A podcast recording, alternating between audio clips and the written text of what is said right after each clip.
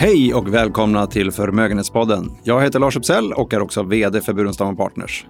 Nu är det den 11 november och vi ska prata lite grann om marknadsläget och vad som har hänt den senaste tiden på marknaden. Och med mig för att prata om det, eh, Burenstam Partners nya chefstrateg Mikael Levin. Ny i Burenstam men inte ny på marknaden. Men Mikael, vem är du? Tack så mycket. Ja, eh, jobbat sedan förra årtusendet. Haha, standardskämtet började i branschen 99. Har varit hela mitt arbetsliv på Nordea innan eh, jag fick möjligheten att komma hit till Burenstam och rollen som chefstrateg. Så att eh, ser enormt mycket fram emot den här resan. Burenstam är ju inne i en, en väldigt spännande fas och eh, jag tror att det kommer bli riktigt, riktigt intressant här framöver. Vi hoppas också att det blir en spännande podd. Eh, mm. Mikael, eh, om vi börjar då, vi hoppar rätt in i det. Vi kan säga att du kommer ju vara återkommande i podden här också. Så att, mm. eh, vi kommer få höra mer från dig framåt. Men nu hoppar vi rätt in i det. Vi är halvvägs in i, i liksom höstterminen här, eller liksom avslutningen av året. Eh, vad ska vi säga om läget? Det har varit lite berg och dalbana på aktiemarknaden här under, sen sommaren va? Ja, eh, väldigt, väldigt mycket. Det, det, det var ju en ganska bra sommar och det tror jag många uppskattade som låg i hängmattan där och inte behövde tänka på vad som hände på marknaden för det gick ju upp. Eh, däremot så blev ju september lite, lite av en dikeskörning då med, med eh, ganska kraftiga fall på aktiesidan. Vi hade lite stigande räntor. Det, det, det var inte mycket som gick rätt. Och sen blev det ju då en eh, ganska bra comeback under, under oktober. Och jag tycker att, att givet den ganska omtumlande fas vi har varit igenom generellt de senaste ett och ett halvt åren och vi nu, mer, nu då går från någon sorts så här krisläge till återhämtning och normalisering. Det är ju klart att när trenden skiftar eller när regimen skiftar så brukar det alltid bli lite stökigt. Vad menar du med regimen? Ja, den ekonomiska regimen. Vi, vi, vi hade ju på något sätt liksom full kris för ett och ett halvt år sedan. Eh, stimulanser, det var restriktioner, man visste inte riktigt var allting var på väg. Det var en väldigt, väldigt stor osäkerhet. Det blev ju uppräddat av då både centralbanker men också liksom den politiska sidan via finanspolitiken. Men nu är vi ju förbi det stadiet och när, när liksom regimen byts eller när stadiet förändras, nu går vi ju mot normalisering, nu ska vi ju tillbaka från pandemin. Just i de här skiftena så tenderar alltid att bli lite stökigt och där skulle jag säga att det stöket det var, det var hösten hittills på något sätt. Vi får se om det fortsätter. Men, men du, om man ska ta generellt råd som investerare då, eh, när det blir så här lite stökigt eller volatilt som vi säger, eh, vad är ditt bästa råd? Ja, eh, det kan låta lite klyschigt men, men återigen, eh, spring inte åstad och gör något förhastat. Eh, marknaden har ju en tendens att från tid till annan skaka till och eh, där gäller det att, att försöka eh, hålla sina känslor i styr lite grann. För det, det, det är oftast under en sån situation när du är stressad eller är orolig som du kommer att fatta fel beslut utifrån ett portföljperspektiv. Och jag tycker september oktober var ett ganska bra, eh, bra exempel på det. För det är ju såklart att globala aktier, även svenska aktier, då ner 5, 6, 7 procent under en månad. Det är ju lätt att tycka att oj, oj, oj, nu, nu kanske det är det stora fallet som är på väg. Och så säljer man någonstans kanske i slutet på den där nedgången. Och så kommer oktober, då blir det dubbelfel för att då dels så sålde du på låg nivå och sen var du inte med på uppgången efter. Så att så länge man inte tror att, att liksom någon har tryckt på den röda knappen så då skulle jag oftast rekommendera att liksom försöka vänta ut sådana här perioder för, för mer ofta än sällan så kommer du ut liksom väl eh, om du inte gör någonting i portföljen. Men du, ja, för du har en annan svårighetsgrad där också om, om, man då är orolig och sen har man missat den där uppgången. Hur gör jag då? För då sitter jag fortfarande med pengarna på konto. Ja, och där, där är det sån här psykologisk eh, spärr lite grann som slår till när du väl har sålt. För att du vill ju inte liksom bli motbevisad att ditt beslut var fel. Och då, så här, ja men det kommer att gå ner igen. Och då blir liksom spärren för att gå in i marknaden, den blir ju mycket högre. Så att det får man vara lite, det får man vara lite, lite uppmärksam på. Och givet att du har en portfölj där du har diversifierat mellan aktier, räntor, alternativa eh, tillgångar, det kan vara fastigheter, private equity, vad det nu må vara. Men att du har en välkomponerad portfölj som dessutom då på något sätt hyggligt reflekterar din risknivå. Då kan du liksom segla förbi sådana här perioder och fokusera på annat än portföljen.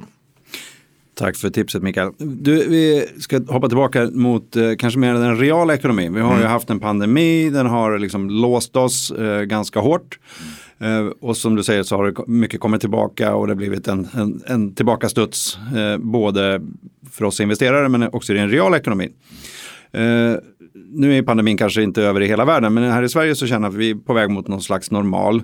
Men nu kommer de här ska vi säga, hoten, inflation, eh, flaskhalsar, det, centralbankerna hotar att höja räntor och sätta, sätta, sätta stopp för festen. Mm. Vad, vad händer? Vad, ja, vad händer? ja, nej, men det, det, där har vi också en sån här liten, uh, liten uh, ja, uh, mänskligt fel eller psykologisk ja, quirk. Att vi tenderar ju alltid att fokusera på risksidan. Och eh, det vi har läst nu här under hösten, precis som du nämnde till exempel om inflationen, att ja, tillväxten tacklar av nu. Och ja, det gör den. Men då skiljer man lite grann på riktning och nivå. Visst, vi, vi är på väg ner från toppen av den här återhämtningen eller rekylen tillbaka från den där kratern som, som, som blev i, i den globala ekonomin efter, efter pandemin. Men man ska ju komma ihåg att tillväxten är ju fortfarande väldigt, väldigt stark. Visst, den, den mattas av lite grann men prognoserna under, för 2021 ska jag säga ligger ju på en global tillväxt på någonstans runt 5,8 procent. Och det är ju, det är ju liksom långt över vad som är normalt. Så att de här värsta domedagsscenarierna, de, de tycker jag är lite, de är lite överdrivna. För att visst, det finns problem. Det finns alltid problem oavsett vilket scenario du har. Och vi fokuserar gärna mer på problemen än, än, än möjligheterna. Men jag tycker ändå att, att eh, liksom den ekonomiska utvecklingen, jag har svårt att se att det ska bli någon dikeskörning här under, under 2022. Visst, det kommer bli lägre tillväxt nästa år. Det är ju, vi är ju på 2022 nu i princip i tänket. Och där ligger väl de flesta, eller konsensusprognosen bland annat då från IMF, de stora investmentbankerna, även de svenska bankerna och så vidare. Den ligger ju någonstans runt 4,5-4,8 procent. Vilket också är betydligt högre än, än, än normalt. Så att även om det mattas så, så, så ja, det här pratet om recession eh, det innebär ju negativ tillväxt två kvartal i rad. Det, det har jag väldigt, väldigt svårt att se här framöver. Du, men inflationshotet då? Det är mm. ju flaskhalsar, energipriser, ja. liksom pressar på, svårt att få tag i när man ska rekrytera folk. Mm. Ja, nej, det, det, det, är ju en av de, de största riskerna här framöver och eh, vi spelar in det här som sagt den 11 november. Igår kom det inflationsdata från USA som var lite högre än väntat och det, det, är ju liksom, det är ju siffror vi inte har sett på väldigt, väldigt länge. Vi får ju gå tillbaka till ja, förra årtusendet åter en mm. gång för att, att, att se de här inflationssiffrorna. Eh, så att den den pucken tror jag är, är väldigt viktig att hålla koll på här framöver. Och Eh, det är ju delvis en effekt av pandemin. Att eh, som du sa här, de här supply chains eller leveranskedjorna, de blev ju ordentligt störda först då när Kina gick in i sin lockdown. Eh, de var ju först ut. Det innebär ju att, eller innebar att, att eh, produktionen stannade av lite grann där i Kina för folk fick vara hemma istället för på jobbet. Och sen kom lockdownen till väst och eh, vi klarade väl den övergången hyggligt ändå. Det var många som kunde jobba hemma och så vidare. Eh, men det som hände var att vi kunde ju inte gå ut och handla. Men vi började handla på nätet. Eh, och då gick ju varuefterfrågan upp väldigt mycket. Man gick ju inte ut och tjänsteefterfrågan den föll ju bort bara. Ingen gick på restaurang eller på bio eller åkte på resor eller ja, allt det där som, som, som är tjänster. Eh, och då fick du liksom en dubbelsmäll i de här varukedjorna att efterfrågan steg fantastiskt mycket samtidigt som, som utbudet då försvann lite grann. Och det trycker ju upp priserna. Sen också på arbetsmarknaden, jag tar tillbaka lite det jag sa tidigare där. Det är klart att det var, det var många som drabbades av det här och, och eh, framförallt så var det en hel del folk som föll ur arbetskraften. Och nu när vi är på väg tillbaka så, så är de tyvärr permanent borta och då pratar vi både Europa och kanske framförallt USA. Och det gör ju det att, att det blir ett ökat tryck på löner och löner det anses ju liksom som, som en sån här eh, åtminstone fick jag lära mig det på, när jag läste ekonomi, att, att det är eh, ja, en orsak till vad man brukar kalla sticky inflation. Jag menar priset på en vara kan ju gå upp och ner beroende på tillgång och efterfrågan. Men löner, de, de, har de väl gått upp så går de oftast inte ner och då blir ju inflationen lite mer permanent. Så att eh, inflationen tror jag vi kommer att få läsa en hel del mer om och det kommer vara en tagg i marknaden på, eh, på marknaden här framöver. Eh, så att eh, om jag ska vara lite åt det negativa hållet så är, så är väl där som, som de största riskerna ligger. Men du, det här eh, inflationstrycket, eller vad vi ska kalla det för, då, pressar ju lite de långa räntorna, kanske lite grann uppåt. Mm. Uh, och så har vi då riksbankerna runt om i världen som ska bromsa in lite grann nu. Och ja. det kommer väl också sätta lite press, eller kan det där balansera varandra också? Ja, eh, fantastisk fråga och eh, också en central fråga skulle jag vilja säga. För just centralbankernas agerande det är, det är också ett sånt där huvudfokus för marknaden. Centralbankerna sitter ju i en liten eh, tuff situation just nu. Eh, å ena sidan så har vi då återhämtningen och normaliseringen av ekonomin som, som liksom delvis drivs av dels eh, de kvantitativa lättnaderna, det vill säga penningpolitiska stimulanser och då mycket, mycket låga räntor. Och det har ju inte varit ett problem efter finanskrisen eh, för att inflationen har hållit sig på mattan. Och nu helt plötsligt så, så, så har vi ett inflationstryck i ekonomin. Och där ja, de står ju inför en väldigt, väldigt delikat balansgång. Att inte låta inflationen dra iväg samtidigt då som drar de tillbaka för mycket, det vill säga dels stimulanser men kanske även höjer räntan. Eh, då riskerar man ju att kvadda lite av den här återhämtningen och det är, det är liksom någonstans fokus för marknaden och också det som, som eh, skapar en del av den här kortsiktiga volatiliteten för att alla, och då menar jag alla, tittar på vad centralbankerna gör just nu.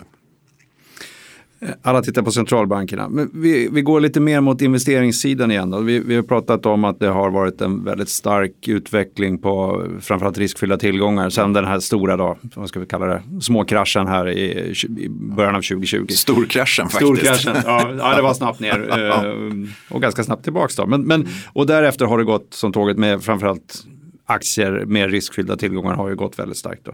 Ehm, är det över för den här gången?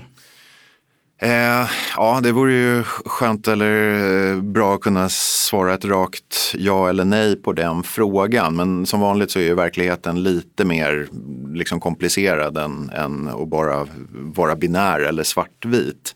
Och som du säger, Eh, den studsen tillbaka efter eh, den här kraschen som var i februari-mars förra året, för det var verkligen en krasch. Jag kan väl inte säga att jag har varit längst i marknaden eh, av alla aktiva här, men, men eh, jag har inte varit med om någonting som var så våldsamt och snabbt som de sex veckorna det rörde sig om. Globala aktier föll då med över 30 procent, svenska aktier med 35 och high yield var väl ner någonstans runt 20 procent. Det, det brann ju liksom och, och det var ingen som hann med överhuvudtaget.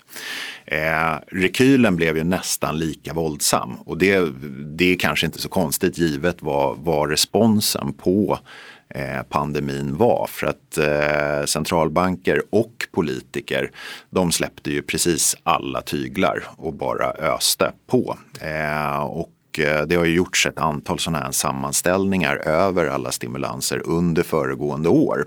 Och en av de bästa tycker jag kommer från eh, den amerikanska storbanken JP Morgan. De hade listat alla länder som hade infört någon sorts form av åtgärd. Och så hade de summerat allt det här och kom fram till att det var ungefär 20% av global BNP som sattes in i stimulanser. Så att då flyter alla båtar. så, så, så, så är det. Eh, och eh, framförallt på aktiemarknaden men även på, på andra då riskfyllda tillgångsmarknader så, så har det ju varit en enorm comeback. Vi är ju långt över toppen som var innan pandemin slog till. Och då hade vi ju haft en väldigt, väldigt bra utveckling fram till då den 19 februari när, när det började falla. Så att i år så är ju globala aktier upp då någonstans runt 25-26 procent och svenska aktier börjar närma sig 30 procent. Och i min värld så, så är ju det, det är ju 3-3,5 årsavkastning. Så att man har ju blivit enormt överkompenserad för den risk man har tagit i år. Och tro att den utvecklingen ska fortsätta liksom som ja, bara en linjär fortsättning på, på nuvarande utveckling, det, det, det är definitivt att hoppas på för mycket. Så där tycker jag man kan moderera förväntningarna lite grann för att det har ju varit en, en ja, ja, helt enorm, eh, enorm period. Eh, sen, ja, är det över för den här gången? Ja, det är klart att det finns förutsättningar för aktier även framöver. Det hänger ju väldigt, väldigt mycket på på vinstutvecklingen och den är ju väldigt stark just nu. Eh, tredje kvartalet som vi precis kommer ur, eh, kommit ur här eh, slog förväntningarna med råge. Och eh, nu har det varit så att förra året, ja då var ju vinsterna en krater. I år så har de stigit till skyarna. Men tittar vi framåt 2022, det är ju där marknaden är som sagt. Eh, där är det mer normala vinstförväntningar. Säg att globala aktier förväntas ha en vinsttillväxt på ungefär 6-7 procent nästa år. Och eh, allt annat lika, om vi fryser allt annat förutom att vi får en vinstutveckling på 7 procent, ja men då är det potentialen. Samtidigt så har vi det här att värderingsmässigt så, så ligger många tillgångslag väldigt högt, framförallt aktier. Och eh, vi får väl se lite grann. Det beror ju på hur, hur den ekonomiska sidan utvecklas. Men blir det någorlunda stabilt så kan jag se en utveckling med eh, alltså att marknaden kanske inte tar ut den här eventuella då vinsttillväxten i kursuppgångar fullt ut utan man eh, låter värderingen komma ikapp lite grann. Och därmed så, ja, det blir inga 25-27 procent nästa år tror jag.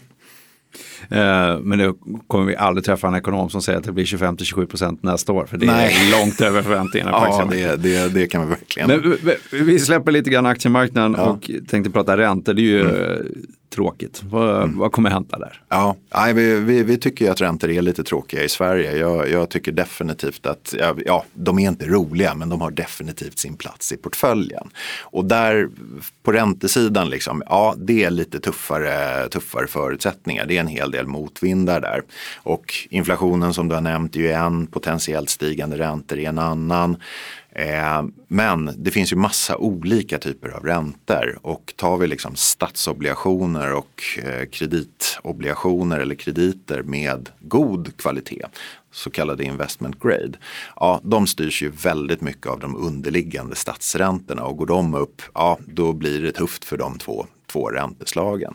Men sen kommer vi ut på liksom den lite mer riskfyllda delen av, av eh, kreditsidan, till exempel med high yield och Eh, tillväxtmarknadsobligationer och så vidare. Och där finns det ju fortfarande en del ränta att hämta men då tar man ju också en större risk. Men jag tror att man ska se lite grann på, på räntedelen i portföljen, inte så mycket som, som en avkastningsgenerator för det kommer den aldrig att bli. Däremot så är den din stötdämpare för att det är ju ingenting som, som liksom garanterar att vi får en positiv utveckling i ekonomin. Och skulle det visa sig att ja, någonting går, går lite snett där, då är ju räntedelen det som kommer att hålla emot i din portfölj. Mm. Men du, ja räntor kommer väl aldrig vara, eller de gånger räntorna är bäst i portföljen, då har portföljen gått ner typ. Mm. Det låter ju inget bra det här, eller? Nej, men återigen, räntor om vi tar de senaste, eller ja, sen finanskrisen då, de senaste 10-12 åren, det har ju varit en fantastisk investering. Vi har haft sjunkande räntor ända sedan 2000, ja, eller ja, det började ju på 80-talet redan, men, men efter finanskrisen så har ju eh, high yield, investment grade, även till viss del statsobligationer haft en fantastisk utveckling i förhållande till den risk man har tagit. Så att de, de har varit bra i portföljen. Men du, ska vi ta någonting om alternativa investeringar också? Vi har ju varit mm. inne på aktier, räntor, men vi tänker då notera att vi jobbar ju även med andra tillgångslag. Ja, precis. Och det, i den lilla hinken av portföljen så brukar man stoppa in då hedge-strategier. Vi har eh, fastigheter då, eller real estate som det brukar kallas på, på lingo. Eh, och sen har vi även private equity och eh, numera också private debt. eh, eller privat utlåning. Och eh, det här är ju tillgångslag som är lite lite mer avancerade än aktier och räntor. Det här är ju lite så otraditionella tillgångslag. Men vi tycker ju att de har definitivt i portföljen att göra. Man eh, kan ju skörda delvis andra riskpremier. De här är ju inte lika likvida som en aktie eller en ränta kan du handla och köpa och sälja på dagen. Det, det, är inte lika lätt med den här typen av tillgångar. Men du får en annan korrelation, det vill säga samvariation med de traditionella tillgångslagen genom att stoppa in alternativa investeringar. Och avkastningsmässigt så, så ja, du får ju en lite högre premie på den typen av investeringar. Så att dels eh, avkastningsmässigt men också portföljmässigt så gör de väldigt, väldigt bra saker för portföljen. Och både eh, fastigheter då, real estate, private equity, även private debt och hedge-strategier har ju haft ett ganska så bra år. Så att, eh, det är någonting vi rekommenderar definitivt att du ska ha i portföljen. Du, eh, ska börja uppsummera lite grann tänkte jag. Vi, vi har varit igenom lite grann att eh, ja, det går rätt bra ändå. Alltså, eh, jag har haft enorm tillväxt och, och, men tillväxtutsikterna ser ganska bra ut. Även om vi liksom, jämför man år från år så kommer det naturligtvis inte bli samma kraftiga uppgång där. Sen har vi lite hot där med inflation eh, som kan påverka räntor. Vi har centralbanker som kanske börjar strama åt lite grann. Eh, men vad, vad är det, om vi blickar lite framåt och uppsummerar, vad, vad ska man ha mest koll på framåt tycker du? Ja, vi, vi, har ju gått igenom en hel del men, men eh, jag tycker ändå eh, det är lätt att se glaset som halvtomt. Eh, jag väljer nog att se det lite mer som halvfullt. Mycket av narrativet på marknaden är just som jag har sagt här några gånger att fokusera på, på riskerna. Men det är sällan vi, vi har det här tänket att ja, det kan ju faktiskt gå bättre än förväntat. Nu tror jag kanske inte att man ska sätta sig för hårt på, på, på den sidan av spektrat. Men eh, just det här skiftet från krisbekämpning till normalisering, det kommer vara fortsatt stökigt här, säg under första halvan av 2022. För vi är ännu liksom inte helt ute ur, ur effekterna från pandemin. Men jag är ändå på något sätt försiktigt optimistisk eh, här framöver. Sen går inte det som jag antytt att översätta liksom rakt av till att avkastningsutvecklingen kommer att fortsätta som den har varit under året. För det, det, det tror jag faktiskt inte. Eh, Däremot så tycker jag det är viktigt att ha lite perspektiv på det. Det är väldigt lätt att fastna i en enskild månad eller en enskild vecka. Vad händer på marknaden just nu? För det är ju bara de rubrikerna du läser den veckan som kommer påverka det. Men om du lyfter blicken lite grann så eh, tycker inte jag det ser så tokigt ut ändå. Och för att avsluta lite grann, det här med portföljen. Har du en rätt komponerad portfölj tillgångsmässigt men framför allt utifrån din risknivå så kan du lämna mycket av det här bruset och krigsrubrikerna liksom åt sidan och fokusera på annat än att bara hänga i portföljen dagarna i ända. Och det tror jag är ett, det tror jag de flesta tycker är ganska så skönt. Stort tack Mikael Levin för att du var med oss här i Förmögenhetspodden. Du kommer som sagt återkomma. Också mm. varmt välkommen till Burenstam Partners för att säga så här i offentligheten. Ja. Och tack för er lyssnare att ni har varit med och lyssnat idag. Eh, vill ni höra våra kommande poddar med Mikael och eh, andra poddar, andra webbinarier, läsa intressanta artiklar. Gå in på burenstam.se, gå in på Insikt och prenumerera på vårt nyhetsbrev så kommer det direkt i mailboxen. Tack ska ni ha för idag.